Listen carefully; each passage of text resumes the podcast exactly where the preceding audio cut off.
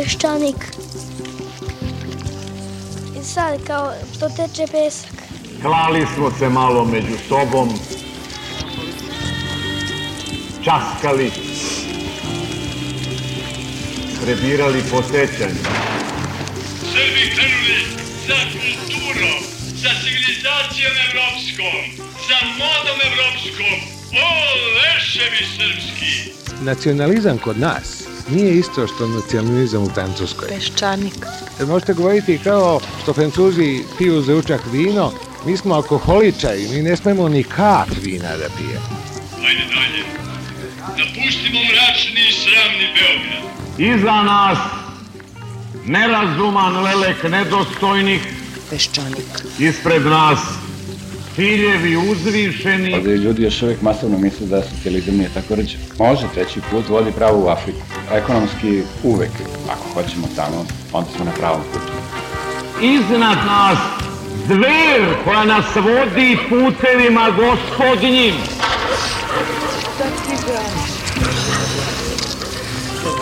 I da ne zatvorim oči, Peščanik. ja mogu da zamislim Srbiju kao najdinamičniju zemlju na Balkanu i jednu košnicu sa malo trutova i puno radilica.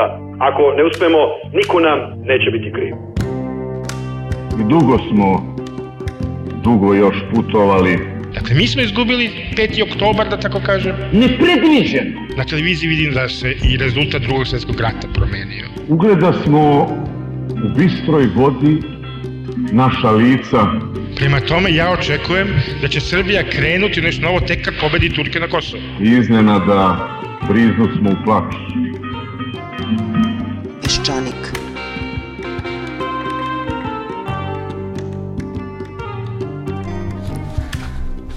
Dobar dan, lepo jutro. Pa da ga ne kvarimo, da za promenu počnemo sa lepim vestima. Predsednik vlade postoji i viđenje juče u Beogradu na socijalnom dijalogu u hotelu Palas.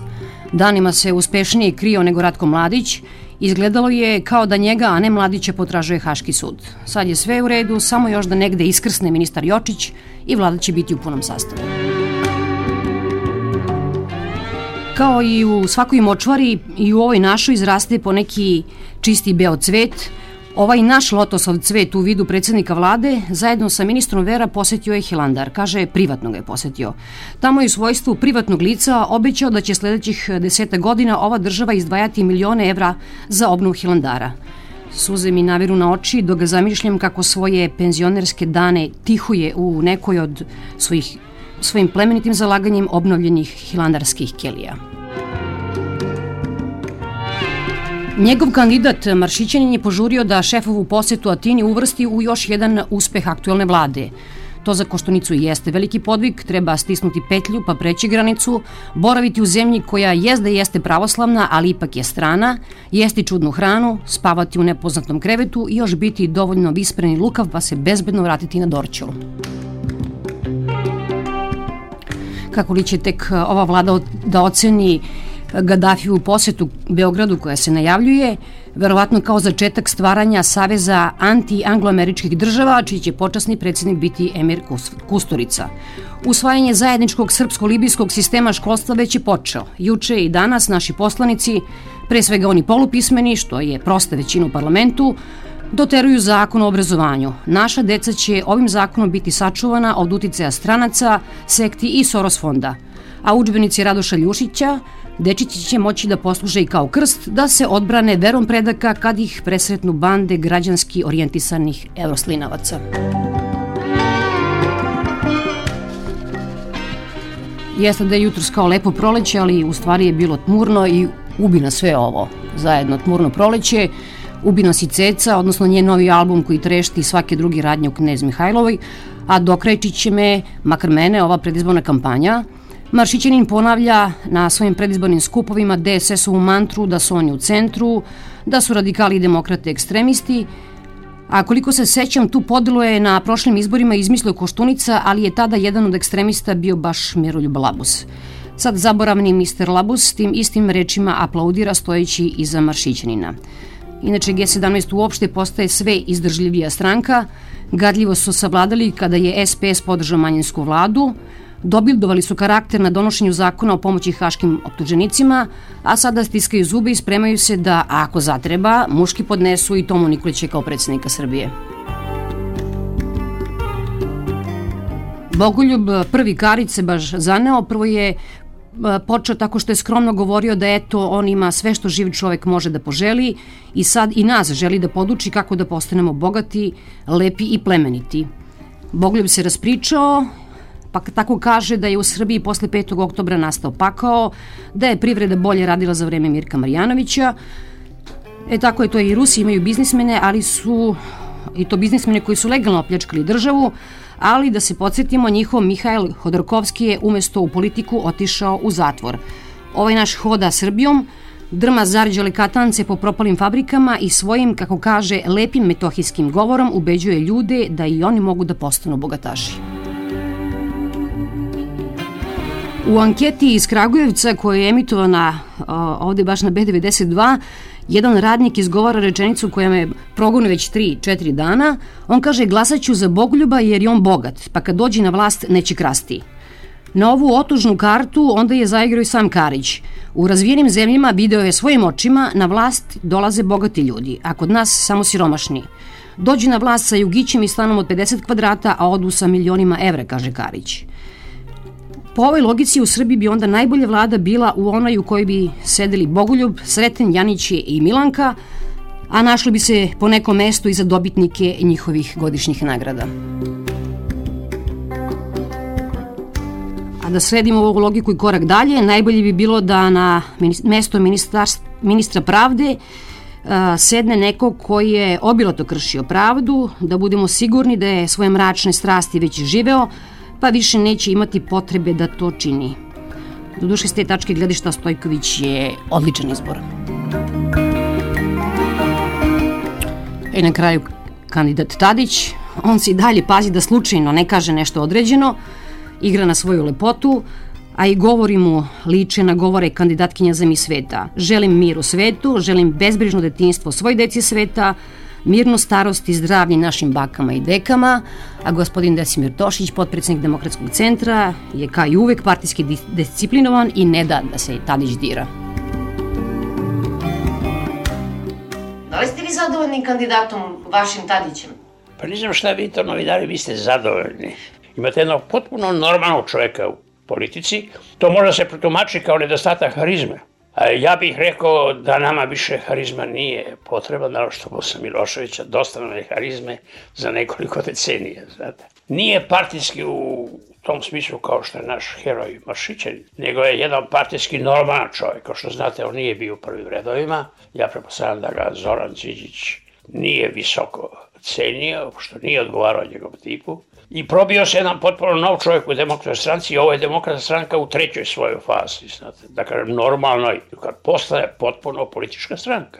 Mi do sada nismo imali prave političke stranke. A o ostalim kandidatima, Karić? ja sam Karića slušao jedan put u Rovetskom pokretu. Boga mi to ima jedno 7-8 godina. I on je nama došao da saopšti da se on kanduje tada za predsjednika Republike, jer ne može da spava. Ja sam mislio da ne može da spava zbog mnogo para, kad on ne može da spava zbog toga što Srbija pati. On to ne može da gleda on je odlučio da se kandiduje. Ja sam samo čutao, pošto prvi put vidim čoveka i nisam znao šta da pitam. Ali su ga ovi drugi pitali kakve su njegove šanse, a on je rekao sve što ja dodirnem to uspe bilo da su pare, bilo da su kuće i tako dalje. Međutim, nekako slučajnošću posle tri meseca postao ministar u Miloševićeve vladi. Oni su mu očevidno zapretili, znate. I on naravno između predsjedničkog položaja i miliona odlučio se za milione. Ja mislim da on će najviše pogoditi Tomu Nikolića. Ja sam dobio već izveštaje sa juga Srbije od naših ljudi i oni kažu da svi Tomini glasači kod južne pruge rešili su da postanu severna pruga i glasaju Karića, bit će para kao blata. Zašto mislite da se on odlučio sada da se kandiduje? Pa znate, ovo je, naša je politička scena još uvek rovita. Ovde ima ogroman broj ljudi koji su potpuno bez političke svesti, znate, tako da svaki može da upeca neku ribu. Vidite da naša princeza, istina stigla je dockan, ali da je mlađa možda bi bilo dobila više glasova. Čujem da je dvor strašno ljut I to mi je strašno žao što njih nema sprave srpske solidarnosti na porodište. Vlada je morala da ima svog kandidata, bilo je nemoguće, pošto oni tako sigurno svoje pobede do sada, da su oni morali njega da nađu i izabrali su čoveka koji je najbolji da izgubi. Ja isključujem da će 5% G17 da glasa Mršića. Ja isključujem. Normalni ljudi, što verovatno da u G17 ima ne samo eksperata, nego i normalnih ljudi, da će glasati Borisa Tadića iz prvog. To je naravno isti mah i želja, pored toga što je pretpostavka. Pobedio Toma Nikolić ili Boris Tadić, oni mora da dadu ostavku. To ne piše u Ustavu, nema tako zakon, ali to je uzus parlamentari. To je za nas negativno, pošto mnogo ima izbora, naš svet se olenjio, nije naučio na izbore, ali morat će malo da zapne, znate, da glasa još jedan put. Kako će tu biti konstelacija, to je sad teško znati, znate, ja lično očekujem da G17 nestane kao politička stranka, pošto je to zaista tako usiljeno, znate, ljudi koji su bili eksperti, dovedeni u vladu kao eksperti, a u stvari opasni politikanti, znate, oni su oduzeli demokratskoj stranci vjerovatno 300.000 glasova. Treba očekivati da demokratska stranka posle pobede Borisa Tadića udvostruči svoj broj glasova na parlamentarnim izborima. To je moje predviđenje, verovatno i želje, kao sam i rekao. Ukoliko se desi da Toma Nikolić i Boris Tadić uđu u drugi krug, šta mislite, ko će Tadića osim glasača... Ja se čak pitam za DSS. Pošto morate da vodite računa, u DSS-u postoje tri elementa. Imate vođu, koji je negde na nebu, nije ovde na zemlji, potpuno van stvarnosti, znate. Čovjek vrlo, ja bih rekao, frustriran kad ga posmatra na televiziji u govorima. To je jedan čovjek koji zna da će još tu sedeti vrlo kratko, znate. Onda imate drugi deo, to je taj aparat mladih. Mladi su se, nažalost, moju veliku, pokazali vrlo kvarni u posljednjim godina pobedom DOS-a. I to se vidi isto i kod uh, sadašnje vlasti, mislim na DSS. I taj aparat mladih gura njega u razne te kombinacije koje su pogrešne. A onda imate taj tradicionalistički sloj koji glasa DSS, znate, i koji je, kako da kažem, patriotski, naivan, e, traži restauraciju, vraćanje na 41. Što je naravno objektivno nemoguće, nije to da li vi hoćete ili nećete, nego nešto ne može. Feudalni sistem ne možete vratiti, znate, bez obzira možda budete njegov veliki pristalica. Tako da taj svet će ostati veran, a ja mislim da će ovi mlađi čim primete da se ljulja, znate, bežati i upisivati se u druge stranke. I naša scena politička neće za dugo biti ozbiljna. Mi imamo dobrim delom cirkus, znate. U tom cirkusu verovatno najozbiljniji je Ivković. Nova vlast sadašnja Košturična Labuse nije Tursko carstvo, znate. Čak nije ni Miloševića ali ono u nekom smislu nosi još veću opasnost nego što ti bili režimi, jer to je toliko mutno i toliko je disparatno, znate, tu su očevidno nekoliko snaga koje ne mogu da idu zajedno.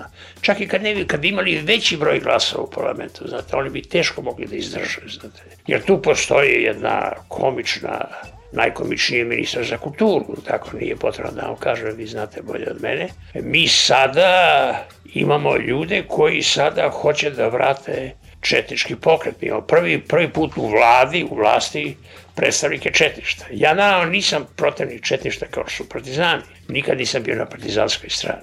I možda se kaže da sam uvek bio na neki način vezan, ne za četništvo, nego recimo za vladu u Londonu. Ali slušaj, to je isto kao feudalni sistem, da vi vratite četništvo natrag. To je više smešno i žalosno nego što je štetno. Jer vi možete da branite četnike od napada koji su nepravilni, netačni. Ja lično žalim što su streljali Draža Mihajlovića. ga nisu streljali, on bi ni na jednoj manifestaciji, počeši od ministra kulture pa do Ravne gore, on ne bi pristao da bude umešan ni u jednu stvar pošto čovjek je bio daleko ozbiljniji nego što ga njegovi naslednici i pristalice prikazuju. Bez obzira što je politika bila pogrešna. Su dve stvari, znate. Dimitrije Ljotić je bio lud, a je bio ozbiljan čovjek, znate, tako i sa Mihajlovićem. Mihajlovića politika bila pogrešna, ali to nije mnogo zavisilo od njega, tako da ja lično mislim da njegova participacija u razvoju četiškog pokreta bila vrlo mala.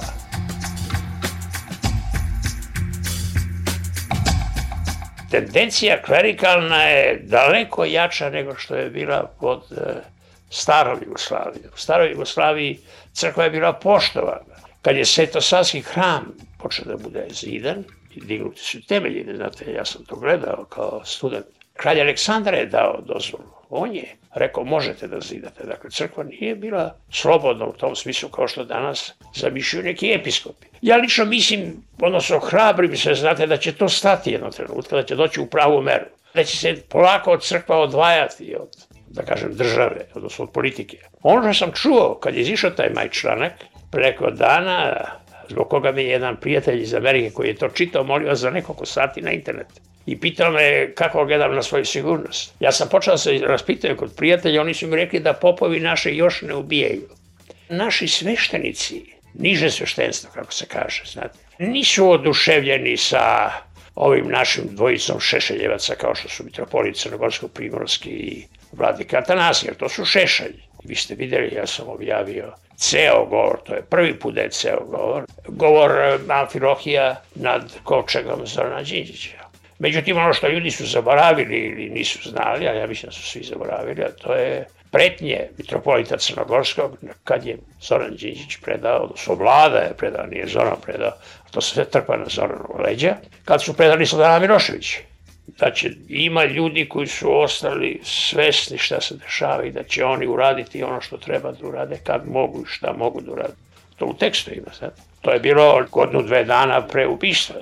Naravno da on nije, mitropolit nije rekao da poziva ljudi da ubiju, Bog zna šta je on mislio, da kaže pravo, ali kad je bio jedan pravi javni tužilac, on bi iz one reči mogao da napravi inkriminaciju. Znate. Moram da priznam da sam se upravo spremala da krenem na sahranu Zorana Đinđića kada je počeo, na televiziji sam to gledala, govor mitropolita i nisam imala hrabrosti da se vratim ponovo na taj na taj govor. Šta je u stvari on tamo najviše rekao? Koja je suština po vašem mišljenju? Naši sveštenici uvek govorili, ili ne uvek, ali u većini slučaja više nego što treba u smislu veličajući mrtvog čoveka.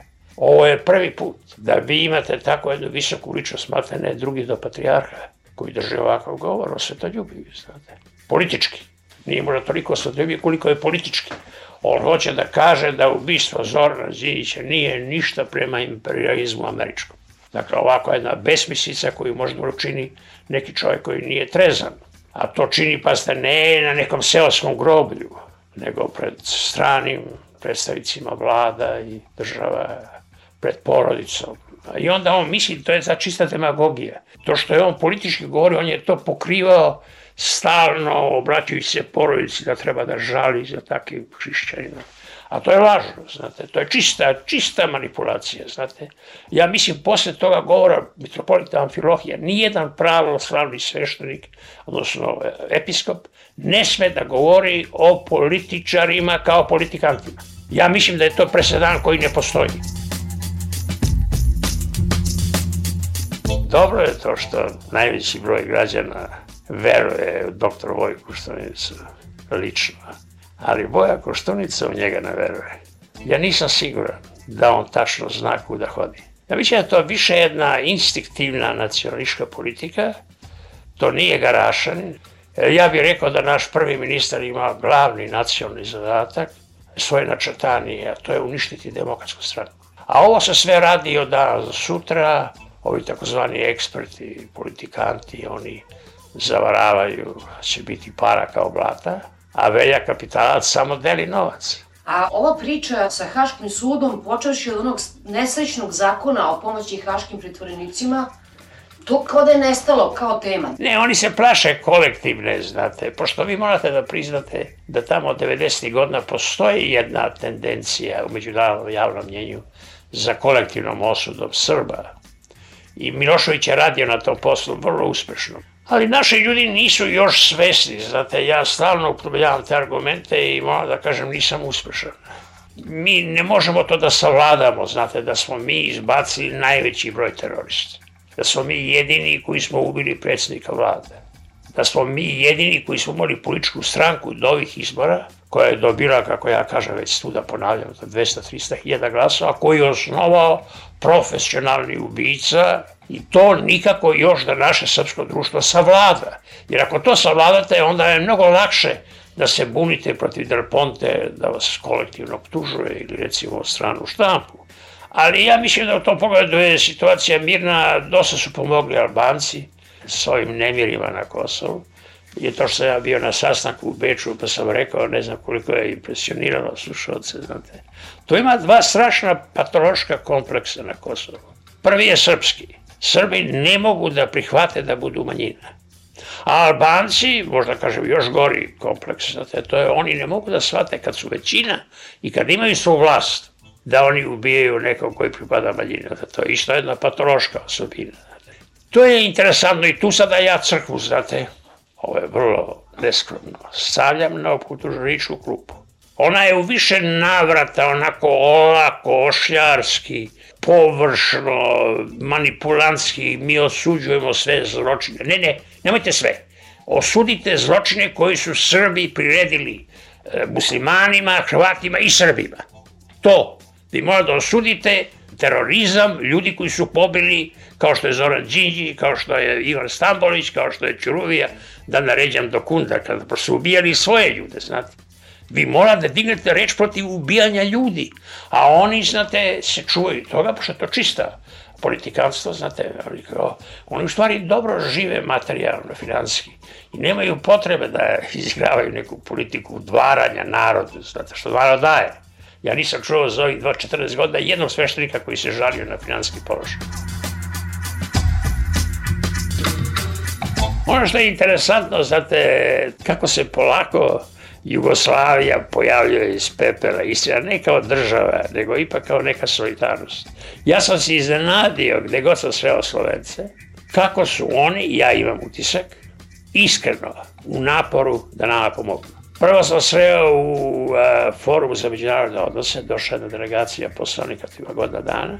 Mlade ljudi koji divno govore srpski, bolje od izvjesnih članova Kraljevske kuće koji su ovako govorili o našom evropejstvu kao da su, recimo, predstavnici Evropskog pokreta u Srbiji.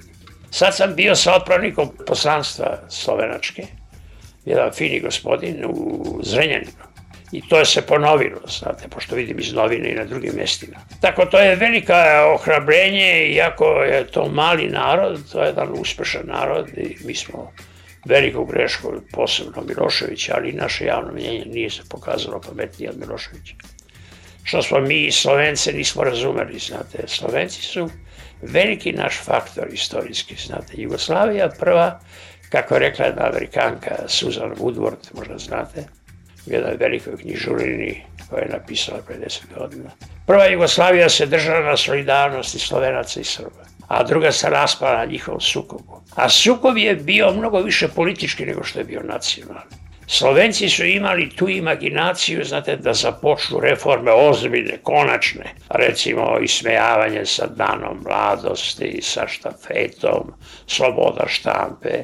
Beograd je to posmatrao kao rušenje države. Naši komunisti nisu mogli ni jednog sekunda da zamisle stvarne promene, dok slovenski komunisti to zamisli, kao što su čak bio i Gorbačov, molim vas. Jedan veliki broj komunista je video na vreme da mora da bude nešto promenjeno bitno. Naši srbijanski, ja ne govorim o crnogorskim, bosanskim i ličkim, to je bilo još gore. Iz toga, da kažem, te dezorientacije naše vladajuće elite komunističke rodila se ova budala Slobodan Milošević.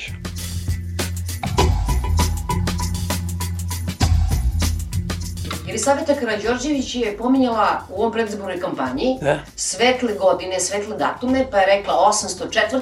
pa 903. Pazite, ima tih teških istorijskih trenutaka koji nema alternative. Dakle, on je morao biti uklonjen fizičkim putem, nažalost. Kao i 27. marta. Samo 27. marta niko nije ubijen, znate. Ono što je teško u 903. znate, to je što su njih dvoje kasapili. A to je bila reakcija ljudi sa slabim nervnim sistemom. Nisu bili pravi revolucionari. Znam. I to je jedan naš režiser, kada ga vidim, koji je napravio, molim vas, analogiju između Legije i Apisa. Dakle, to je užas. Ovi su, međutim, kasapili tu sirotu ženu, koja je naravno kriva za mnogo više možda Aleksandar, ali Aleksandar je bio prema onome što znamo iz istorije, jedna vrlo sposobna ličnost, inteligentna, znate, sa ogromnim znanjem, što se inače ne dešava Karadžorđevićima, sve možda Pavlu. Međutim, on je bio čovjek potpuno lišen moralnog obzira, merila. Nešto je slično bilo sa Petrom II, ali Petar II nije bio sposoban za velike gluposti, pošto nije imao vlasti, znate. Vi morate uvijek da postavite pitanje šta bi bilo da je bilo, znate, recite Petar I koji je se pokazao kao vrlo tolerantan vladarac, mora da zamislite šta bi bilo da je on postao kralj u svojoj 27. godini. On je došao kao emigrant sa pocepanim čarapama, dužan, a došao je preko krvi, on je morao da bude tolerantan, tu nije bilo nade, znate, ti pre što on nije imao neku stranku svoju, jako je bilo veliki broj Karadžođićevaca, znate, ali nije on imao neku organizovanu snagu koja je mogla da ga drže na vlasti On je morao da bude sa parlamentom. On je pokušao 1906. godine u Solunu da sugeriše jednu vladu van parlamentarnu, znate, i to je sve Pašić onemogućio, i Apis je onemogućio. I to je vrlo interesantan slučaj koji je meni pričao Slobodan Jovanović, da je Apis čuo da se sprema ne parlamentarna vlada, ne kažem antidemokratska, i onda je Apis došao kod Slobodana i rekao, čuli smo da ste vi kandidat za ministra, Nemojte da pristanete, mi nismo 903. oborili jednog kralja da bismo imali neparlamentarnu vladu. Čitajte radio na b92.net. Peščanik.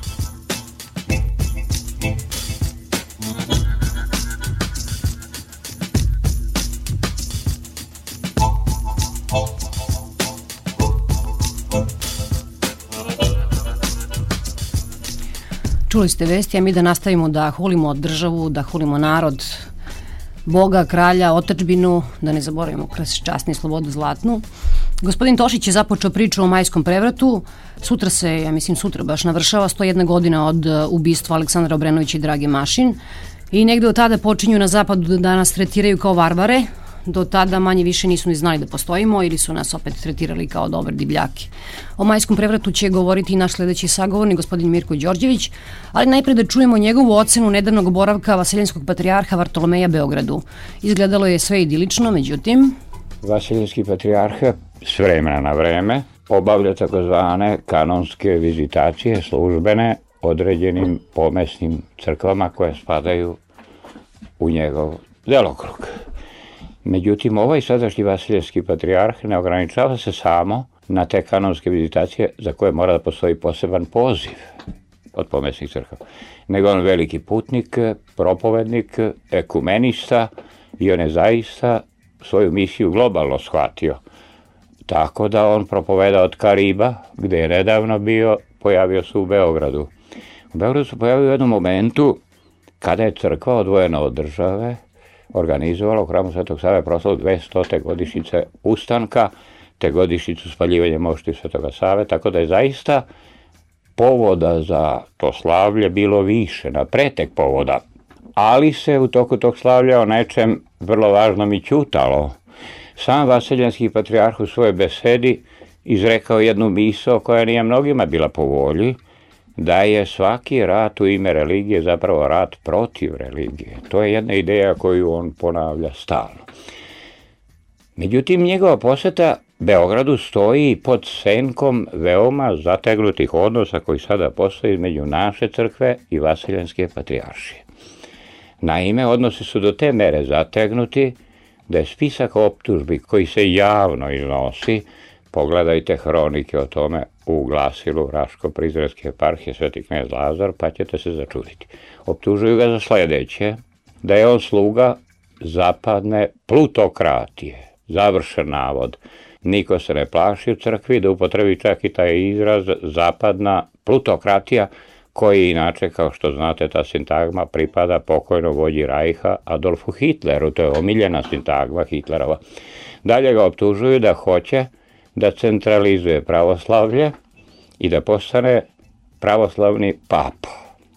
Da hoće svu dijasporu koja postoji da preuzme i da hoće da sarađuje i sa protestantima i sa katolicima. Ovo drugo je apsolutno tačno.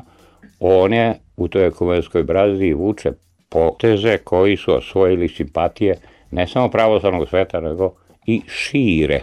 Međutim, to nailazi na otpor, posebno kod Ruske crkve, koja ga za iste stvari optužuje, i čak mu se pripisuje optužba da je time što opšti sa inoslavnima, što će reći sa hrišćanima na drugi način, protestantima i katolicima, on zapao, upao u jeres, odnosno ne samo u jeres, nego u sve jeres. Dakle, tu se o tome u službenom delu posvete ćutalo i posveta je protekla kratko i nije uopšte bilo reči o tome, ali su napadi na njega učestali i sve ih je više.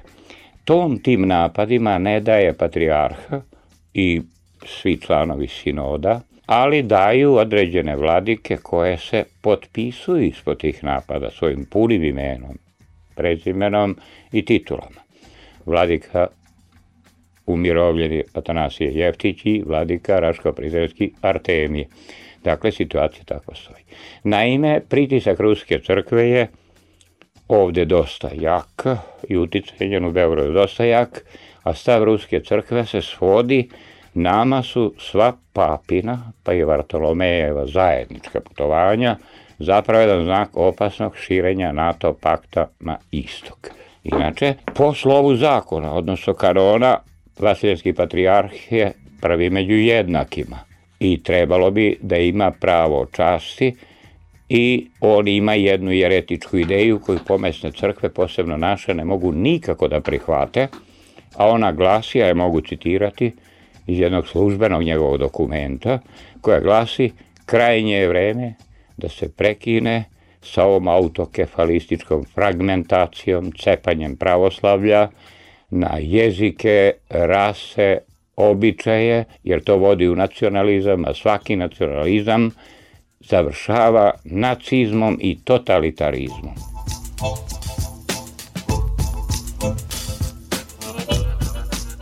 Crkva je postala monolitna ponovo u tom pogledu na društvenom političkoj sceni, postala je monolitna i više se ne može govoriti o nekakvoj struji koja bi zagovarala jednu blažu opciju otvaranja za novo vreme, saradnje sa drugima i tako dalje.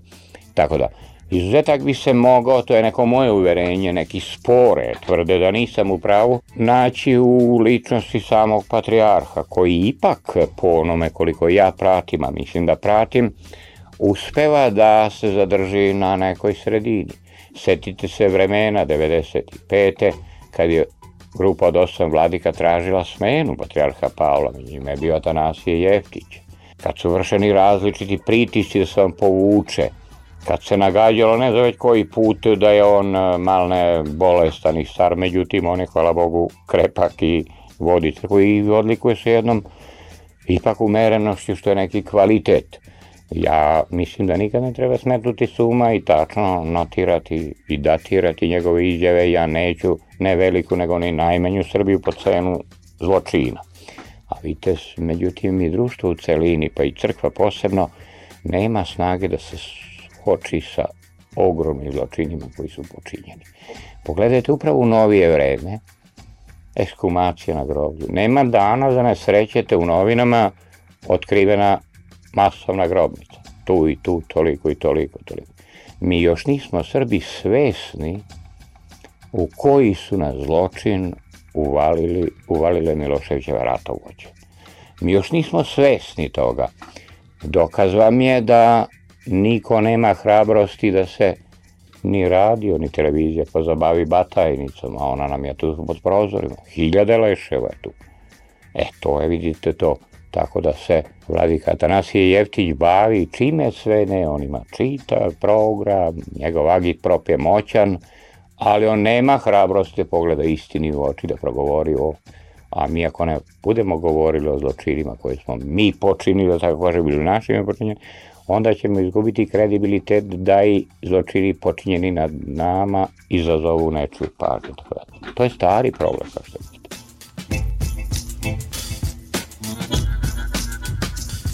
Bitka za nasleđe u takvim institucijama kao što je crkva, država, svuda u svetu postoji, pa naravno ona se osjeća, budući da je patrijarh star čovek.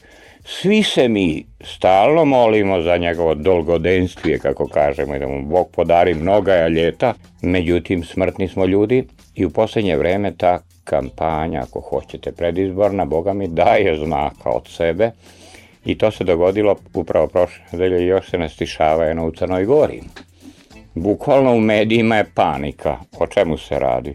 Vi znate da dole postoji kanonski nepriznata crnogorska autokefalna crkva, ali Crna Gora je kanonsko područje naše crkve i dole postoji mitropoli i tako dalje. Naše. Mitropolit Amfilohije se sprema da proglasi jednog svešteno lice iz Ostroga za episkopa Dioklijskog, tu će titulu imati. Pa su onda počele takve kombinacije od kojih boli glava, da tako kažemo. Time on navodno dobija jedan glas u saboru za sebe. A drugi znak je još veće uznemirenje izazvao. Navodno on takvim potezom šalje signal Beogradu. Ako me ne budu izabrali za patrijarha u Beogradu, a on ne krije te svoje namere, ja mogu onda sam da se odcepim i da formiram i ja crnogorsku, da tako kažem. To su naravno nagađanja, ali da postoje trenutno dve struje u Saboru, to je činjenica i u sinodu u Saboru, one se prepoznaju po, po, po onome što se čini. Na jednoj strani su vladike mitropoliti, Amfilohije, Atanasije i još neki, a na drugoj strani su vladike iz, dakle, iz raznih vlada, na drugoj strani su ovi iz Srbije centralne. Tako kod budućeg izbora patrijarha vodit će se računa o takozvanim pravilima za izbor patrijarha koja su prvi put doneta u našoj crkvi kod izbora patrijarha Pavla. Doneta su posebna pravila. Tu će biti žreb, naravno, ali ne treba gubiti iz vida da država, svaka država, nikad nije ravnodušna kad je reč o izboru patrijarha i da će naći načina da se i njena reč tu poštuje. I te kombinacije, ko bi mogao biti i kako bi mogao biti, bit će veoma zanimljivo, tim pre što u istoriji naše crkve posljednjih deseta godina dogodilo nešto što se ranije nije često događalo. Imamo ogroman broj vladika, ogroman broj vladika. Broj vladika se utrostručio. Ne. Tako da je sabor jedno Sinod je vlada četvoro člana, ali sabor je jedno složeno telo koje obuhvata arhireje iz inostranstva, iz takozvanih srpskih zemalja, iz Republike Srpske, iz Crne Gore i ove domaće. Tu će biti vrlo zanimljivo koje bi opcije sve mogle da se pojave, da bi tu su sigurno na pomolu vrlo zanimljiva kretanja.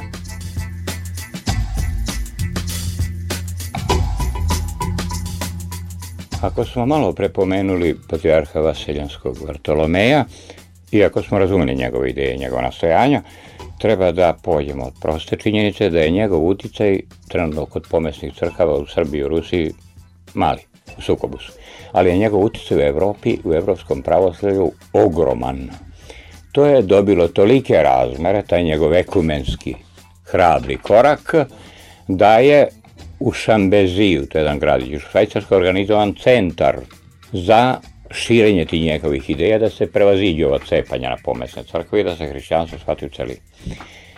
To je dobilo tolike razmere i toliko učešće svih pravoslavaca sveta osim Rusa i nas, da su i dvojica naših vladika, Irinej Bulović i Braničevski Gnjatije, potpisali dokumenat iz Šambezija, ali pri povratku u Beograd Sabor im je u redovnoj sednici oduzeo te potpise.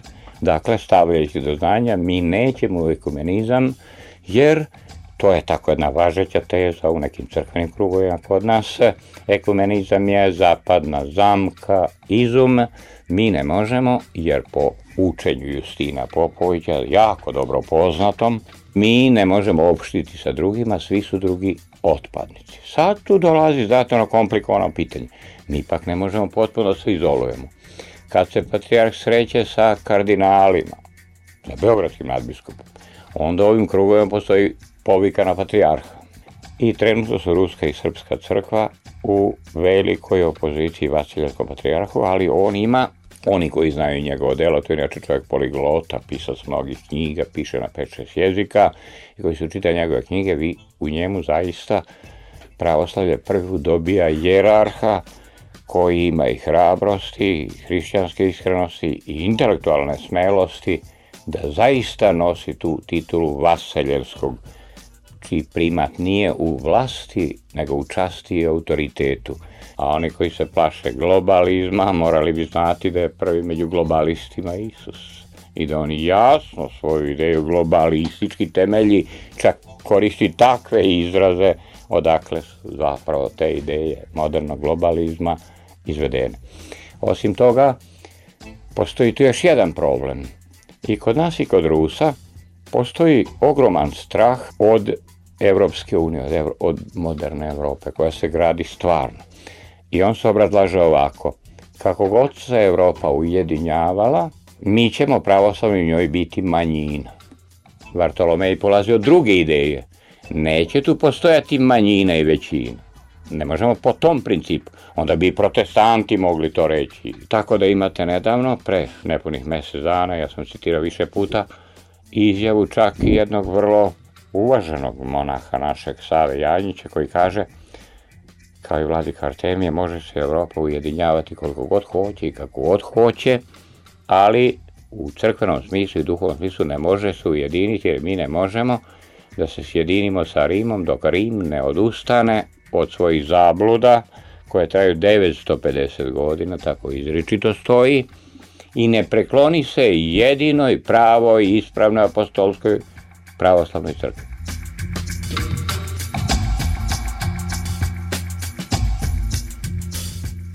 Jedno vreme ste, dok je Vojislav Košturica bio predsednik SRJ, njega su čak u Jekenijama neke vladike pominjale, gde je ono mesto gde se pominju vladar i njegov vladalački dom.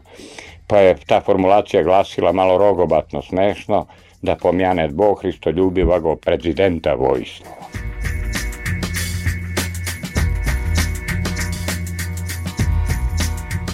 Crkva i vlast, crkva i država. Evo, pomenut ćemo jedan primer iz novije naše istorije. Pomenuli smo malo pre godinu 1903. kad su ubijeni kralj Aleksandar i kraljica Draga. Neki slave kao svetao datum, a ja lično mislim, ali to ne mora biti važno, da je to čin bedni kukavica. Kako se crkva u to vreme držala? U to vreme, dakle u kraljevini Srbiji pod Obrenovićima, mi nismo imali patrijarha, nego u kraljevini Srbiji postoje mitropolit. Kralj Aleksandar Obrenović i Draga doveli su za mitropolita jednog čoveka koji je bio običan sveštenik. I to je čuveni mitropolit srpski Inokentije. Došavši na to mesto prvog čoveka Srpske crkve u Kraljevini, on je izdao jedno naređenje i službeno ga objavio, naveste da je kralj odlučio da se ženi Dragomašin. Vi znate šta je sve usledilo, ministri za, protiv, za, čudo. On je izdao naređenje. Od jutros u svakoj jekteni u svim crkvama pominjati sledeće reči, citiram da pomjanet Bog kralja našeg Aleksandra i obručenuju nje, jemu kraljicu Draginju. Da, da, da, da. To je bilo i kralj se oženio. 903. 29. maja kralja i kraljicu su ubili zaverenici. Na prvoj liturgiji u Sabornoj crkvi u Beogradu isti taj Inokentije, primajući i diplomatski kor i vladara, pohvalio je čin od 29. maja i pohvalio je posebno rodoljubivo vojinstvo koje je ubilo kralje kraljicu. U ono vreme uticajni organ naše crkve, ali izvan Kraljevine Srbije, u Austro-Ugarskoj, u Karlovačkoj mitropoliji, u Sremskim Karlovcima, koje se zvalo Srpski Sion, objavilo je seriju članaka o tom mitropolitu, o tom činu, u 903. iz pera Dimitrije Urvarca, navodeći ove primere kao sramotu Srpske crkve i sramotu u odnosima između crkve i države. A Jelisaveta je, prekjučer je to, pa mislim da vaš, vaša televizija javila u jednom obraćanju, kad je ušla u kampanju, govoreći o tome da služi Srbiji, srpskoj istoriji, koja ima velike datume, nabrajala je velike datume popravo 1804. 1903. godinu. Dakle, samo po sebi deluje dosta čudno. Tim pre što mi, kao što vidite, nismo sačekali 2103. 2003. mi smo obeležili radno ubivši prvog čoveka vlade, da gledamo. To je mračan podatak.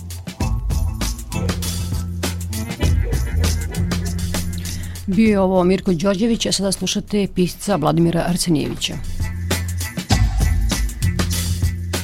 Mislim, jedna stvar se promenila od 90-ih na ovamo. Mi ne moramo baš sada neophodno da se tresemo na svako to sumanuto dešavanje koje dolazi iz tog nekog političkog polja.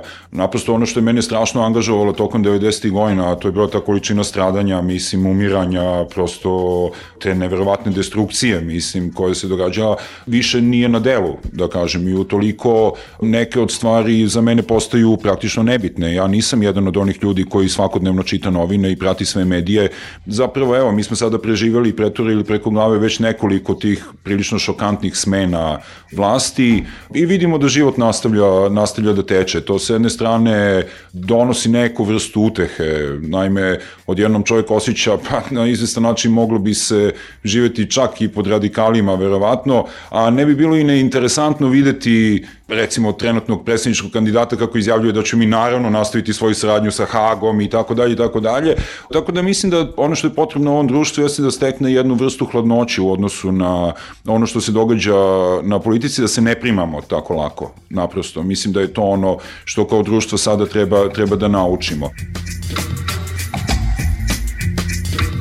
Možemo i da govorimo i o stepenu kvaliteta onog prethodnog ministra kulture, ali taj makar nije unosio bilo kakve voštane figure u ovoj prostoriji ministarstva, a naročito ne voštanu figuru Draže Mihajlovića. Mislim, ono je treš na svim trešovima. Veći politički kič nisam davno, davno video.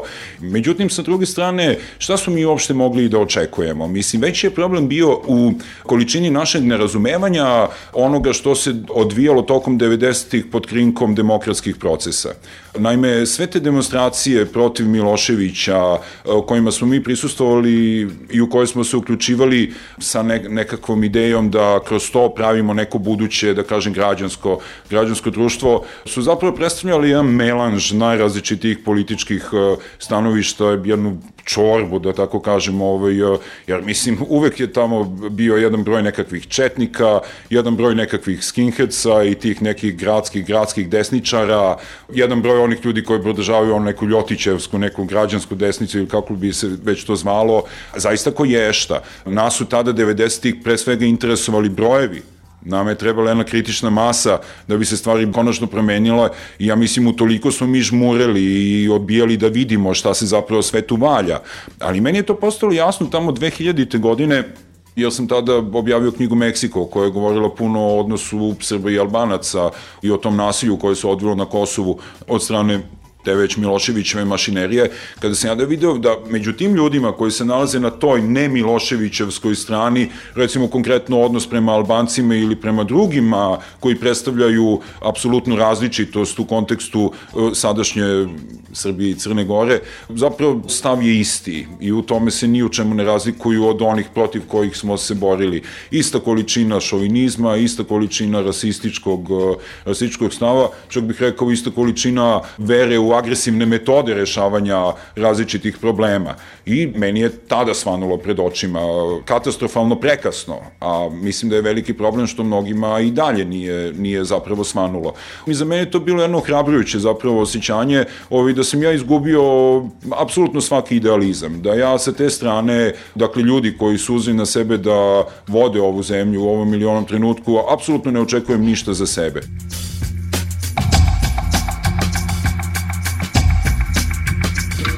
Ne bih nikako voleo da mi dođemo do toga da preživljavamo nekakvu radikalsku vladu, ali bi imalo puno, puno smisla za Srbiju danas da vidimo tu radikalsku vladu na delu i da vidimo do koje mere ona nije slobodna. Reći o strahovito neodgovornim ljudima. Mislim, Tomislav Nikolić koji izjavljuje tamo ono pre nekoliko meseci onim, kada je izbilo ono nasilje Martovsko na Kosovu, kako naravno treba ići sa vojskom na Kosovo.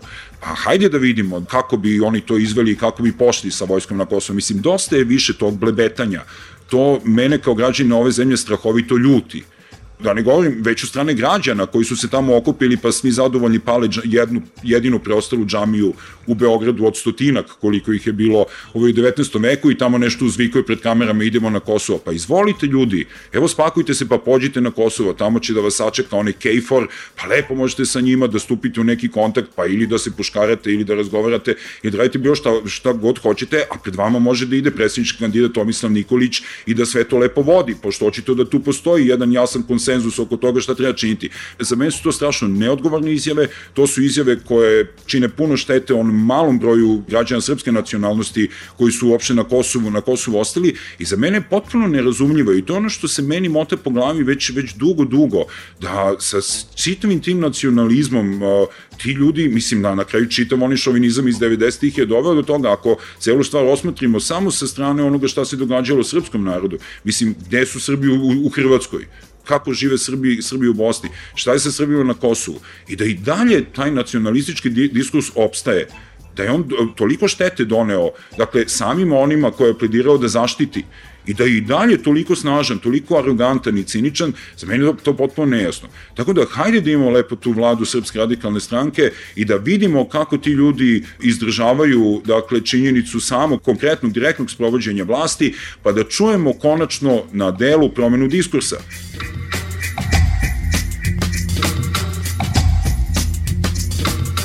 I mi smo građani, a imamo sve zube, zube na broju i znamo da govorimo. I to je ono što je jedna poruka koju treba jasno, jasno preneti političarima. I nema nas malo i ne treba nam nikakva povika po pitanju Srbije.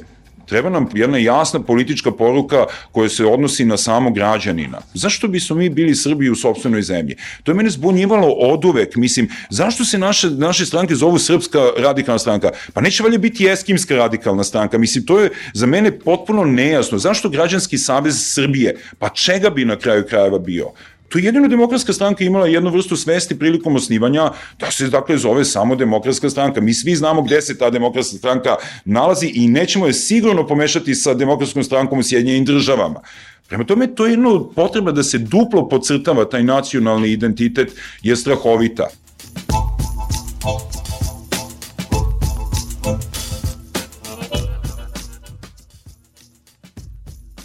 Ja sam imao jedan uh, susret sa đacima Prve Beogradske gimnazije gde sam ja pre tog susreta bio upozoren od strane njihove profesorke da su oni politički veoma rigidni, da su često veoma mračni i veoma agresivni. I taj susret je bio naslovljen, to su đaci, da li nasu kao tradicionalno versus moderno, kao tako nešto.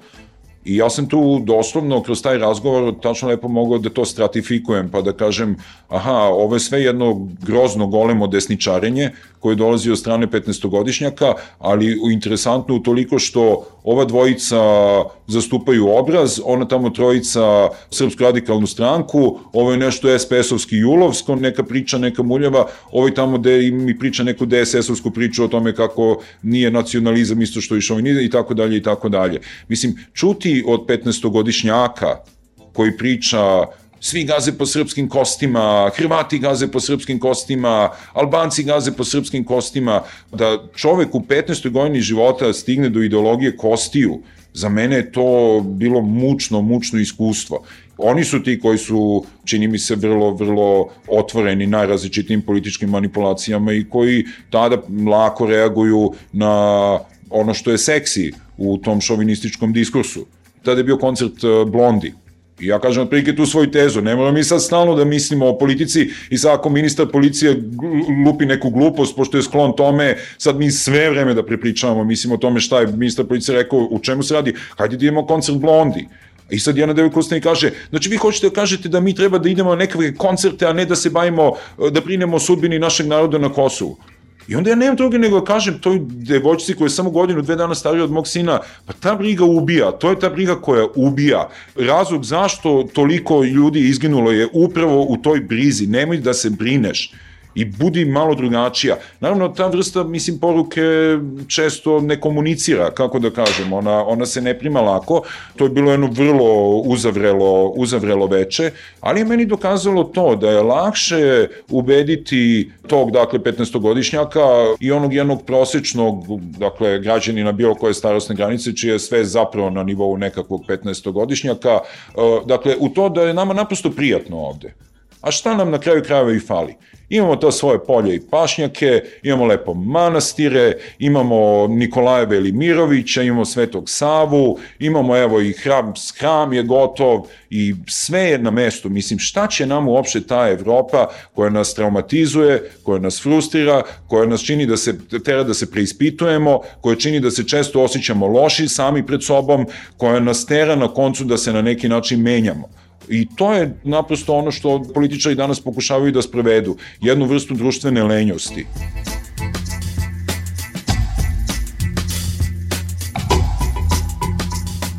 Sretnem ja Caneta na aerodromu i kao gde si, gde si, i nekako tako valjda čovek ne može da ne, ne šeri pravo zdravlje.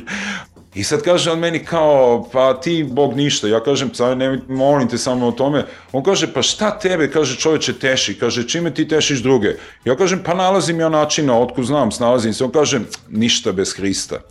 I ja uđem u avion, sam mišljam, ništa bez Hrista, šta mi je to? I sve se, bez kralja ne valja. Ili bez starca nema udarca ništa bez Hrista. Mislim, to je taj kič, ta deklarativna, ta preispoljna religioznost. Nije taj čovek promenio svoj e, stav, nije postao manje arogantan, nije postao manje sarkastičan, nije postao finiji, nije postao mekši. On samo celu tu svoju aroganciju, sarkazam, sve stavlja u odbranu Hrista. Mislim, Hristu takva odbrana vjerojatno nije ni potrebna. Mi smo videli kako su ovde prošli gej ljudi kada su se oglasili, mi smo videli kako prolaze Romi, mi smo videli kako prolazi bilo koja manjinska zajednica u ovom e, srpsko-srpskom društvu. Nažalost, pravoslavna religija je jedan od elementarnih dakle, delova tog srpskog identiteta u modernoj Srbiji i utoliko ona, dakle, mislim, dobija i na snazi i na agresivnosti u onoj meri koliko to je potrebno tom nesigurnom srpskom identitetu, da dođe do nekakvog utvrđivanja toga šta je ne, nesporno, da kažem, u tome biti Srbin danas i da se na tome, na tome insistira.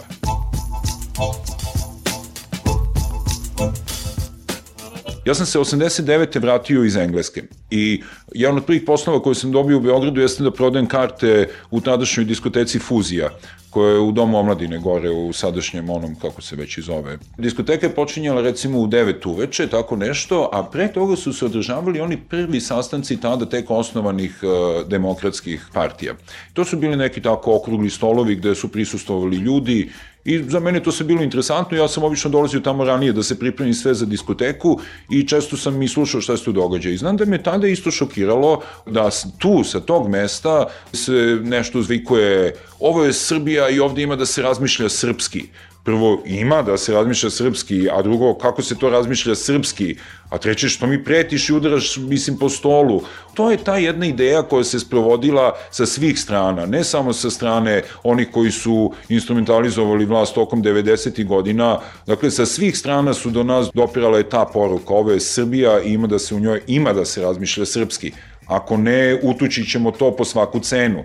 Dakle, ako si ti prevashodno gej, a to znači da ti vratno nisi dobri, dobar Srbin, to treba potući. Takođe, eto šta se događalo sa Romima, šta se i dalje, dalje događa na sve strane, svako malo. Činjenica da ovo društvo na to reaguje bledo, ne znači da problem ne postoji. Naime, mi zaista jesmo podaničko društvo i čak u prilog toj tezi govori činjenica da je teško prevesti reč podanik recimo na engleski jezik.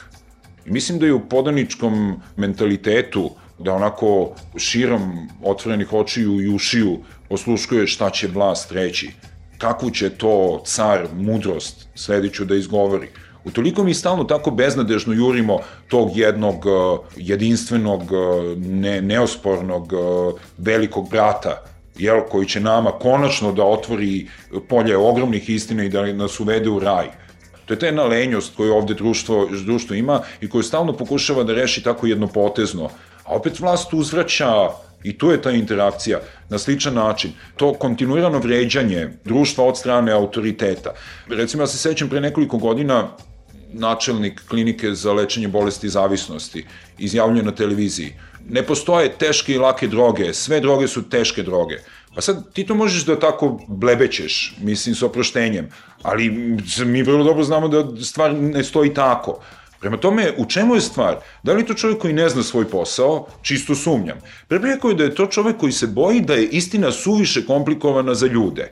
I da ljudi nikako ne smiju da znaju tu kompleksnost istine, jer će oni da se naprosto slome pod time. Mislim, ista stvar je na delu, na delu i ovde drugde. Ovom društvu treba otvoreno reći. Imamo posla sa nekolicinom izuzetno neodgovornih ratnih zločinaca, u, toliko što su ratni zločinici prirodno i da su i neodgovorni. Ljudi u čijem je mentalnom sklopu da se kriju po nekakvim gudurama, jer su odrasli uz priče o hajducima i atacima, koje treba spetljati tamo i odvesti tamo gde pripadaju, a to je zatvor. Ukoliko je taj zatvor u Hagu, tim bolje po nas, Neka neko drugi čitavu tu stvar rešava. A zašto bi se ovo društvo stavljalo u ulogu nekog zaštitnika nekolicine neodgovornih ljudi? Za mene je to potpuno nejasno. A građani, jedini razlog zašto građani grakću tu svoju stalnu neku podršku takvima je zato što nikada sa strane oni koji vode ovu zemlju nismo čuli ama ni jednu reč koja bi bila drugačije intonirana. I tu se sad opet vraćamo na ovaj period od 2000. do 2004. godine. Pa kada smo mi mogli da čujemo od tih ljudi, izuzev nekih onako deklarativnih kao mi moramo da srađujemo sa Hagom jer ćemo inače imati ekonomske sankcije. Pa nije uopšte stvar u tome, mi moramo da ukapsimo ratne zločince zašto su ratni zločinci za hapšenje. A da li ćemo mi imati ekonomske sankcije ili nećemo imati ekonomske sankcije, to pitanje uopšte nije bitno. Mi naprosto moramo time da se pozabavimo zašto je to etičko pitanje. E to je ono što niko ovom društvom nikada jasno, jasno nije rekao. Dogod neko to konačno jasno, jasno ne kaže, teško da će se stav ovog društva prema tom problemu i ola i promeniti. Peščanik. Repriza subotom od 16 do 17. Čitajte radio na b92.net. Peščanik. Govori Biljana Kovačević-Vuču iz Komiteta pravnika za ljudska prava. To se nekad zvalo kuvana žaba za vreme Miloševića, ne primećujemo, a sad se to zove anestezija, onako bezbolno vađenje zuba. Zapravo, koliko je bezbolno, nemam pojma, ali je činjenica da se mi polako anesteziramo i da više uopšte nemamo neki da kažem, senzor, neki prag osetljivosti koji bi bio adekvatan situaciji u kojoj se nalazimo. Mi potpuno neadekvatno reagujemo. Kada bi uzeli samo medije, potpuno je svejedno da li je to B92 ili RTS. Videlo bi se koliko mi stvari dnevno primimo u naše jadne mozgove i koliko mi stvari dnevno onako odbijamo da obradimo na pravi način zato što se to više ne da izdržati. E to je sad jedna laž u kojoj mi živimo. Znači, užasno smo se trudili, svi zajedno, Strašno smo se trudili za ovih tri godine da se predstavimo svetu kao jako dobri, kao fini, kao ljudi koje konačno moraju da prihvate sa svim manama i kako smo mi mlada posrćuća demokratija koja je to samo malo još potrebno, malo donacija, malo podrške i mi krećemo onako na široku stazu demokratije, onako stabilni. Mislim, toliko smo mi opterećeni tom prošlošću da stvarno sebi nismo da, mogli da dozvolimo taj luksus koji se naziva mlada demokratija. Jer je toliko rovita situacija i toliko je opterećena tom prošlošću koja nije disidentska prošlost istočnoevropskih zemalja, kako se obično kod nas uprošte, nego je to prošlost koja je opterećena ratnim zločinima, ratovima, etničkim mržnjama, manjinskim mržnjama, političkim likvidacijama, ubistvima i slično. Mislim, da budemo pošteni, mi nismo u mladoj demokratiji. Mi smo jednostavno država koja se nalazi na početku tranzicije. I to na samom početku tranzicije i zna se da tranzicija nije demokratija. Ne zove se džabe od autoritarnog režima ka demokratiji. Znači, tranzicija je taj most koji spaja. Ali nekako smo se toliko trudili svi zajedno da se predstavimo kao demokratska zemlja i mislim da nas je to mnogo koštalo. Pre svega, taj greh na dušu ide samom DOS-u, koji da bi pokazali koliko su oni uspešni u vođenju zemlje, zapravo nisu vrisnuli na vreme u pomoć ljudi sprema nam se državni udar. I po mom mišljenju državni udar se dogodio i sad se onako finalizira do kraja Mislim da je ubistvo premijera Đinđića bio državni udar i nažalost mislim da taj državni udar uspeva. Prema tome, greh na dušu staroj vladi zbog toga što nije na vreme vrisnula, da su slabi, da su nemoćni i da ne kontrolišu centre moći. To je onako ponekad me podsjećaju na čarobnjaka iz Oza, koji je vikao i pokazivao da je moćan, kao ta stara vlada, stavno su govorili da su moćni, a zapravo nisu bili moćni i nisu kontrolisali nešto što svaka država mora da ima, pogotovo kad je na početku razvoja, kad je na tom samom početku odmicanja od te nulte pozicije na kojoj smo se našli 5. oktobra. I mislim još jednu stvar, moram da kažem, stara vlada je vrlo brzo odustala od nas i, i mi smo se tu stavili u neku vrstu protivničkih tabora. Znači, mi smo bili neutralne nevladine organizacije, nezavisni mediji koji su bili kritičniji prema vladi nego što je to vlada zasluživala i zapravo smo doprinili rušenju te vlade i mislim da snosimo deo odgovornosti za, za pad prethodne vlade, bez namere da njih amnestiram, da su i oni odgovorni zato što su pali tako, ali smo se suviše brzo upleli u takozvane demokratske igre koje ne mogu da podnesu na taj način kako smo mi oštro zaigrali ni razvijenije demokratske zemlje nego što je naša. Ne mislim ovako nešto mnogo da se polivam pepelom, ali dok ne priznamo sami sebi da smo ispali glupi, zapravo, mislim da nećemo ništa moći da uradimo dalje. Da, evo ja priznajem za sebe, da, bila sam glupa, u jednom trenutku sam mislila da možemo onako objektivno, e, principijelno, do kraja, bez vođenja računa o tome da se time proizvodi neka veća šteta nego što e, mi želimo, mi smo malo suviše nagazili na tu vladu, očekujući od nje previše ono što ona objektivno nije mogla da pruži, a s druge strane Vlada se nije trudila da nas ubedi u suprotno, nego se je odmah zauzela gard protiv nas i sad smo tu gde jesmo. Zapravo, jer je retorika, da kažem, Demokratske stranke Srbije, koja je bila na liniji ljudskih prava, slobode informisanja, otvaranja i sve je bilo onako jako primamljiva za sve nas i tome se nije moglo odoleti. Tako smo hteli ili ne, bez obzira na ideološke razlike sa Koštunicom, često igrali na tu njegovu u stvari kartu, jer smo mislili da to nama nalaže pozicija koju zauzimamo u društvu, što je bilo apsolutno pogrešno. Da smo mi od onog trenutka kad je Koštunica i njegova stranka počela da pravi obstrukcije u parlamentu, morali da zauzmemo stav da to nije deo procesa razvoja demokratije, nego da je to ne obstrukcija reformi, nego obstrukcija demokratije. Kod nas zbog toga što se zloupotrebljavala ta pozicija što su nekad bili zajedno za ostvarivanje ličnih onako malih partijskih ciljeva od strane same demokratske stranke Srbije. Možda je ovo preagresivno što govorim, ali ja mislim da je to ovaj, zaista naš zajednički problem i da ćemo ga iskajavati šta da radimo. Što kaže Miša Vasić, hulili smo na Boga, nije da nismo.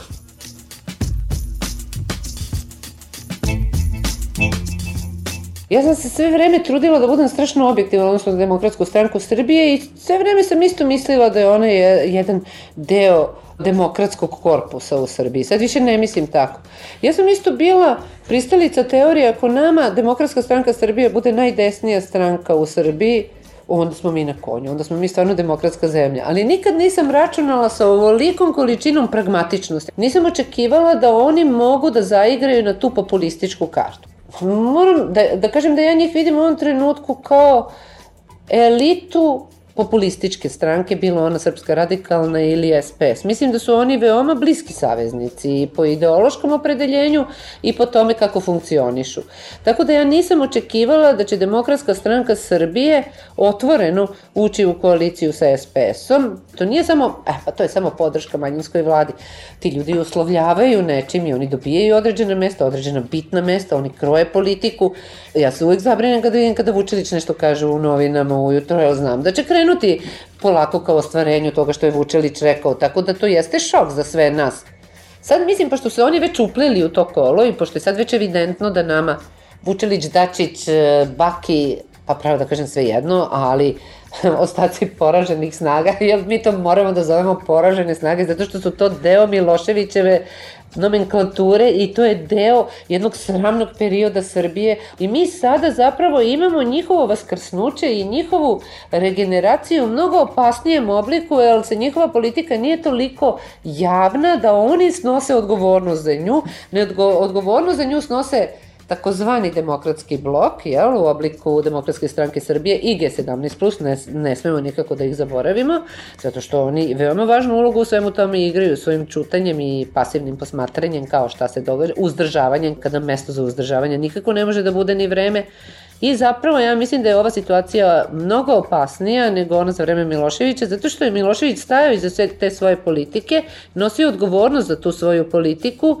a ovo sada, mi imamo jedan miks između jedne tradicionalne konzervativne stranke, koja se krije zapravo iza Socijalističke partije Srbije koji nema odgovornosti, jer formalno nije u vlasti, a zapravo je taj jezičak na vagi koji može da diktira celu politiku i zapravo nemamo koga da uhvatimo, imamo paučinu. Mi se sve vreme borimo protiv paučina, a ta paučina nas prilično guši.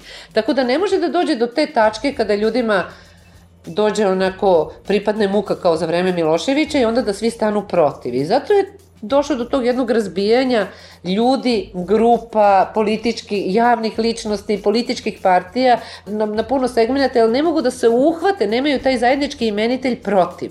Jer imaju tu demokratsku stranku Srbije sa toliko glasova koliko ima i koja bi trebalo da bude odgovorna za sve, a opet je doživljavaju kao deo demokratskog korpusa. Ne mogu da se bore protiv SPS-a, jer oni formalno nisu u vlasti, a suštinski jesu, imaju G17+, plus koji nam je ipak blizak, jer nisu oni tako loše stvari uradili. Tako je došli do jedne onako zapravo amorfne politike koja je veoma opasna, koja razara sve oko nas i uvek je opasno i to se zna i to je u istoriji poznato i da je teror manjinskih vlada i teror manjine uvek opasniji od uh, ovog terora. Ako je to bio teror sve vreme Miloševića, od ove populističke politike Slobodana Miloševića koja je uživala jako veliku podršku i koja je kao takva sebi dozvoljavala, odnosno i Milošević je sebi dozvoljavao i da mi ludujemo, je znao da nećemo proizvoditi efekat. I opasno je zato što takve situacije u stvari ogoljavaju kod ovako nerazvijenih demokratskih država, odnosno nedemokratskih država kao što je Srbija, razne centre moći i dovode na vlast da zapravo bio CIU, DB, ne znam više kako da zovem, i KOSI ili te vojne obaveštajne službe koji se pojavljuju potpuno u svom nekom ogoljenom obliku. I na kraju, naravno, prvo optuženi se predao, sada vidimo ko se plaši prvo optuženog i šta će on da kaže. Ljudi, pa on je prvo optuženi, prvo optuženi ima pravo da kaže šta god hoće, ali nije on vrhovni arbitar.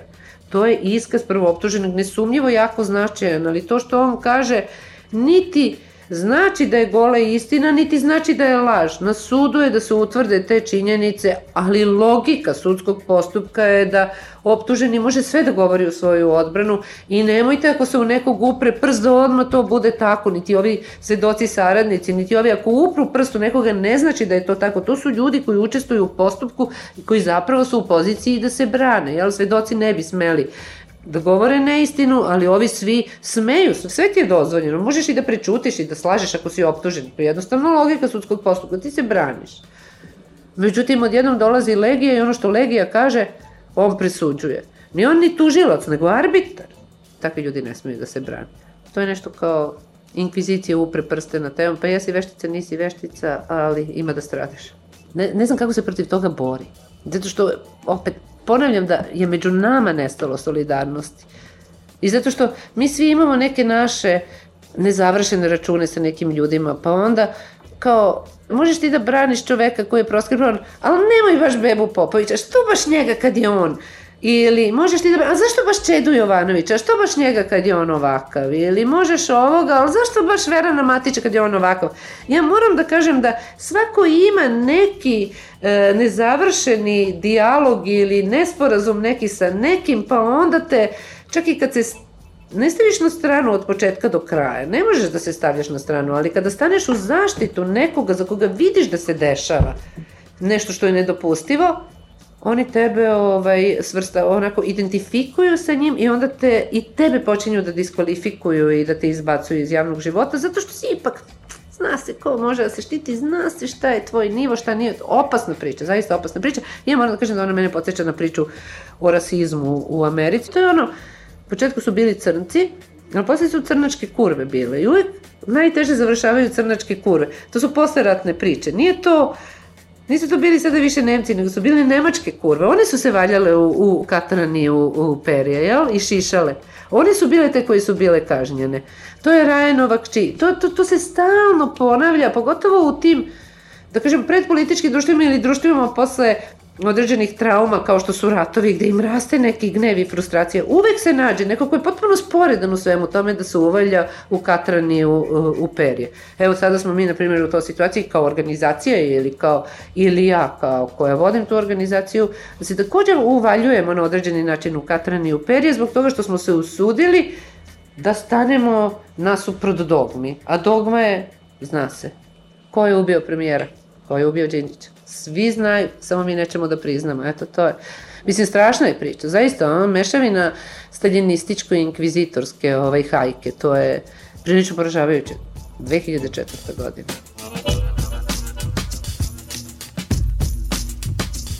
Problem je u tome što ljudi nemaju političku opciju.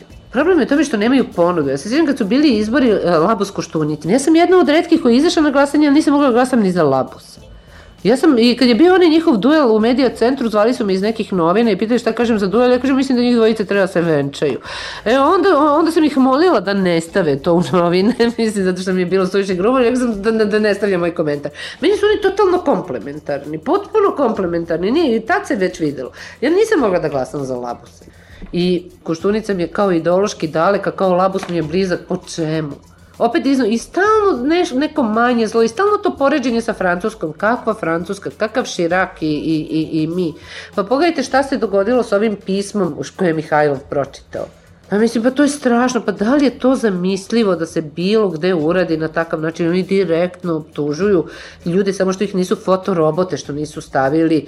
I to idu na Borisa Tadića preko najbližih saradnika Zorana Đinđića, zato što insistiraju da ih se Boris Tadić sve više i više odriče. Ja da sam na mestu Borisa Tadića, ja bih ih sve pozvala i rekla idemo svi zajedno, ej, ni jedan glas na vas možda neću dobiti, ali sigurno neću ni izgubiti postoji veliki broj ljudi, bar koji ja srećem, koji bi glasali upravo za tu opciju da se vidi malo veći kontinuitet sa Đinđićevim, što, što oni predstavljaju, jel? Sigurno bi doneli neke negativne glasove, ali sigurno ti ljudi ne bi pobegli u neki drugi tabor da zbog njih. Nego bi isto kao i mi sada, uz određene zamerke ipak glasali. Treba praviti širok front demokratski. Mi ćemo ipak da glasamo, ja pretpostavljam, za Borisa Tadića, ali dosta nezadovoljni tom politikom i time što se on odrekao određenih ljudi, ne zato što smo njihovi fanovi, sledbenici i ne možemo bez njih, nego zbog toga što se to jednostavno ne radi.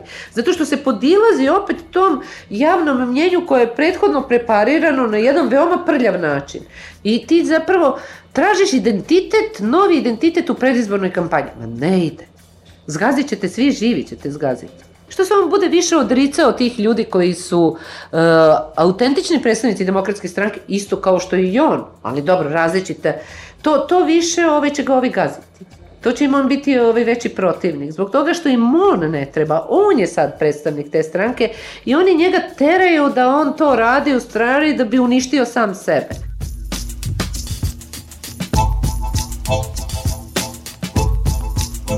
Ja mislim da će Karić biti najveće iznenađenje ovih izbora. I ja sam skoro na ivici da poverujem da će on pobediti čak. Kad je Dinkić juče rekao da je on svojom izjavom pokazao da je ozbiljan predsjednički kandidat, meni je u trenutku sinilo da Karić može mnogo više da uradi nego što to nama izgleda. Možda su se dogovorili, ali od jednom, od dva neprijatelja gde je, ovaj, nije se znalo ko više peni kad čuje jedan za drugoga, gde je ona bila emisija sa Bojanom Lekić u studiju kad su se svađali. E, odjednom oni postadoše ovaj, kakve veze ima to što je Karić rekao da će platiti ekstra profit, konačno po novom rešenju, sa tom njegovom predsedničkom kandidaturom. Zašto se Dinkić našao ponukanim da kaže kako je on pokazao da je ozbiljan predsednički kandidat? Ali ima još jedna stvar. Karić je i ono, otelotvorenje sna. On je čovjek iz naroda s akcentom, te sali su pune. I sada ljudi, Ovi verovatno misli kao, on je čovjek iz naroda, on je čovjek počeo sa harmonikom i napravio je carstvo, napravio je bogatstvo, jedan od najbogatijih ljudi, Zašto da ne? I mi hoćemo da imamo tu šansu. Znači, ako on pobedi i mi imamo tu šansu. Zašto on ima tu šansu, a mi nemamo tu šansu? Ja mislim i dalje da je on favorit. Ne, ne, ne propagiram ga, daleko od toga, nego po, po, re, po reakcijama ljudi. I čula sam od nekih ljudi isto tako da kažu, ovaj, pa šta, Karić kao, nije trgovao oružjem, nije bio upleten u, u, u ratne sukobe, nije ovo dobro stoji sa Albancima od ovih politički korektnih, on može da ode na Kosovo kad god hoće, on je bio kod Mesića u Hrvatskoj, on je čovjek integracije, on je čovjek... I ja više nemam, moram da priznam, čak ni ja više nemam sećanje šta je to što sam ja toliko zamerala Kariću. To, to je taj, nama se toliko puno stvari dešavalo. Evo, da sednem sad ovako sama sa sobom, ja više ne znam zašto sam bila, zašto su me duža su dovodili neki ljudi. Da li vi možete da se setite? Često ne, jel da? Mi smo strašno bili neuredni prema našim životima. Mi smo dopustili, onako olako i bahato, moram da priznam, smo dopustili da se smeni taj Milošević na jedan način i da kažemo marš iz naših života nema veze i onako zasićeni od svega, bar to je moj neki utisak, jako mnogo stvari sam zaboravila i jako mnogo stvari nisam zapisala, u stvari ništa nisam zapisala i idem po nekom svom fluidnom sećanju koje mi često izmiče i ne mogu da se setim šta je to bilo zbog čega sam ja baš imala neku užasan gnev i agresiju prema nekim ljudima. Ne mogu. Da me ubiješ, ne mogu da se setim. Ja mislim da me stave na muke da mi ne bi izvukli više. Ne znam da li je to zaborava, da, da, da, da smo mi morali da se borimo malo više protiv tog zaborava u koji smo valjda izmoreni, iznu, uleteli i zaboravljam. Moraš da se resetuješ i onda se izbrise nešto. Da, da, moraš da se prilagodiš novoj situaciji i stalno se resetujemo. Stalno se resetujemo i, ovaj, to, i, i da, ne, nema. Valjda od te potrebe da nam bude bolje i da krenemo ka nekom razvoju, jesmo zeznuli stvar i bili smo skloni da mrzimo ljude koji su nas stalno podsjećali na to Zbog toga što je to ono, ne moraš baš svaki put da mi kažeš da sam invalid. Ne moraš da mi kažeš, ne moraš svaki put da mi kažeš da mi je prljava kosa, da sam ružna, da sam glupa. Ne moraš, preskoči jednom. E tako smo mrzeli ljude e, koji, bili smo besni na ljude koji su nas stalno podsjećali i to je ta jedna frustracija koja je morala da se izvede na mnogo bolji način. Upravo da ne bi došli do ovoga da zaboravimo. Zaboravili smo. Bio je ovo Pešanik, pozdravljaju vas dve Svetlane, a sad ne stiže Boris Kustović sa friškim vestima. Prijetno. Peščanik, repriza subotom od 16 do 17.